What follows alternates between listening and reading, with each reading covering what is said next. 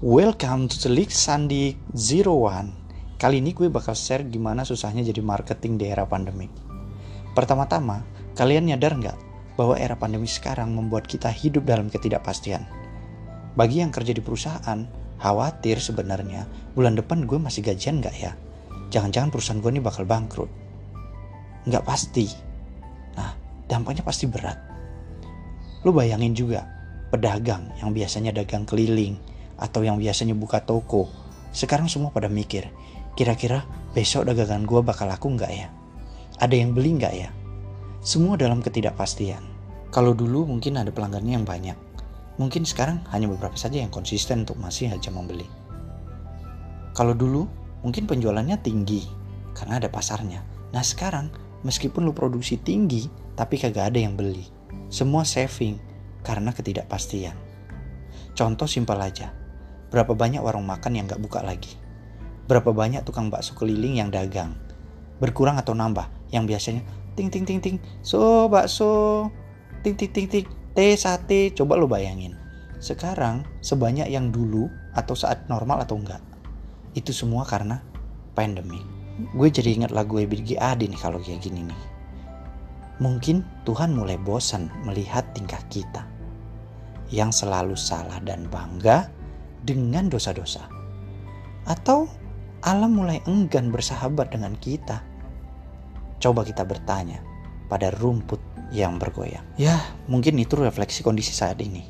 Gak bisa ke mana-mana leluasa seperti biasanya. Secara gak langsung, sekarang kadar sosial kita itu juga menurun. Semua terlimitasi Dulu aja, kalau lo lihat ada yang pingsan, pada cepet-cepet nolongin. Orang jatuh dari motor tepar, buru-buru dibawa lari ke rumah sakit. Sekarang semua dianggurin sampai pasukan APD datang. Terkikis nggak jiwa sosial itu? Semua kejadian tadi, mau pingsan, mau jatuh dari motor, kecelakaan, yang tepar di jalan, itu masih konsisten tetap banyak yang nolongin, cuma ada di sinetron atau film. Silaturahmi juga terbatas. Sekarang semua keep and touch by virtual. Bukan hanya payment yang dibuat virtual tapi juga hablum minanas juga sama. Semua karena apa? Pandemic. Nah, gimana ceritanya untuk para marketing? Teman-teman gue di seantero negeri. Mereka berjuang mencari bahan bakar. Kondisi begini, kawan-kawan gue banyak yang masih harus banting tulang. Kenapa? Cuma satu kuncinya. Karena mereka pengen nyelamatin periuk nasi keluarganya. Lu bayangin kalau mereka nggak kerja, meskipun limitasi kondisi, mau makan apa? Konsekuensinya, perusahaan bisa kolab. Keluarga pun pasti terdampak. Di saat lu semua diem di ruangan, mungkin sebagian dari mereka keliling gasing guys. Mencari bahan bakar perusahaan Kenapa? Kalau kagak ada bahan bakar, perusahaan nggak ngebul. Kalau nggak ngebul, gimana mau makan? Mereka berhadapan dengan banyak orang yang kita nggak tahu positif COVID atau enggak. Maka nggak heran, banyak juga di antara teman-teman gue itu yang kena positif COVID. Semua dijabanin demi bahan bakar tadi. Gue tahu mereka para marketing yang paling terdampak. Kenapa? Sekarang nyari orang yang mau pinjem itu susah. Karena semua mikir bisa balikin apa enggak. Kalau cuma pinjem-pinjem doang, ya kayak KTA ya. KTA tuh ya semua orang juga mau ya. Kredit tanpa angsuran, semua juga mau. Tapi masalahnya sekarang bukan kredit tanpa angsuran, harus dibayar. Di satu sisi, kalau mereka nggak dapat yang mau minjem, maka seret juga pendapatannya. Belum lagi mereka juga punya cicilan yang harus dibayar. Rumahnya mungkin ada yang bangun rumah belum jadi. Biaya bulanan rumah tangga, biaya anak sekolah yang tetap harus dibayar meskipun school from home. Hmm, ya itu sebagian kecil lah cerita teman-teman gue marketing-marketing hebat. Nah, buat kalian, teman-teman gue marketing hebat nih, gue punya beberapa tips untuk paling tidak membantu kalian lah ngejalanin kerjaan ini dengan penuh semangat. Sorry, gue sih bukan ngajarin, tapi paling tidak sharing. Kali-kali aja lo mau dengerin. Mudah-mudahan ini bisa barokah untuk lo. Pertama, sebelum lo mulai kerja, please set up your plan. jangan asal kerja. Itu kunci penting. Apalagi kondisi seperti saat ini, guys. Saat kalian keluar dari tempat kerja mencari klien, harus punya output yang terencana. Karena taruhannya adalah kesehatan dan jiwa kalian. Masa lo rela keluar kantor, cari klien, tapi ujungnya keliling gak ada hasil? Capek? Pasti.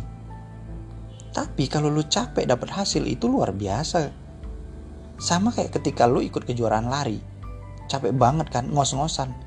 Nah, tapi kalau lu sampai finish, semua tuh beda. Ada kepuasan yang menghilangkan kelelahan lu. Ada rasa bangga di situ. Ingat, risikonya itu nggak sebanding bro. Jadi jangan lu sia-siain.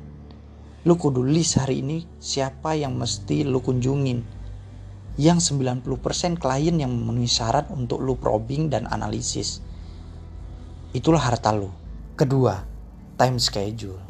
Lu tetapkan maksimal waktu dalam seminggu yang lu gunain untuk keluar dan lu harus di dalam kantor. Karena nggak bisa juga kalau lu keluar terus karena risikonya lu tinggi banget nih di luar. Jadi pintar-pintar bagi waktu lo bisa manfaatin media sosial lo untuk iklan, broadcast ke mana-mana, karena itulah kekuatan saat ini. Istilahnya adalah connected society. Lo harus pinter-pinter memanfaatkan peluang guys. Karena nggak cukup sekarang hanya ngandelin pinter, tapi juga harus cerdik. Ketiga, atur strategi kembali untuk next time jadi jangan lo habisin dalam satu minggu. Semua mesti ada prioritas untuk yang mana yang lo harus selesain duluan. Jangan lo uh, apa ya grit ya, lo punya grit yang tinggi, lo lo serakah, lo pengen nyelesain semua dalam minggu ini. Enggak begitu. Karena kita punya batasan. Kita bukan robot. Ya. Jadi the main from all itu apa? Mana? Itu namanya prioritas. Keempat, support orang yang terdekat. Ini sangat penting karena inilah vitamin hidup lo.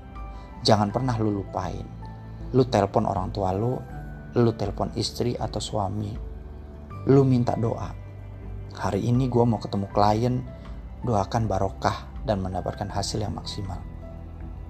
Sehingga insya Allah lelah lo itu akan berubah menjadi lelah. Jadi lo harus tetap semangat karena lo kerja untuk orang-orang yang ada di dekat lo. Tetap semangat. Oke okay guys, semoga itu bisa membantu kalian terutama kawan-kawan gua pejuang bahan bakar perusahaan. Ingat nyawamu hanya satu, tapi orang sepertimu banyak. Thanks for listening and see you next episode. Stay safe, stay healthy. Salam Telik Sandi.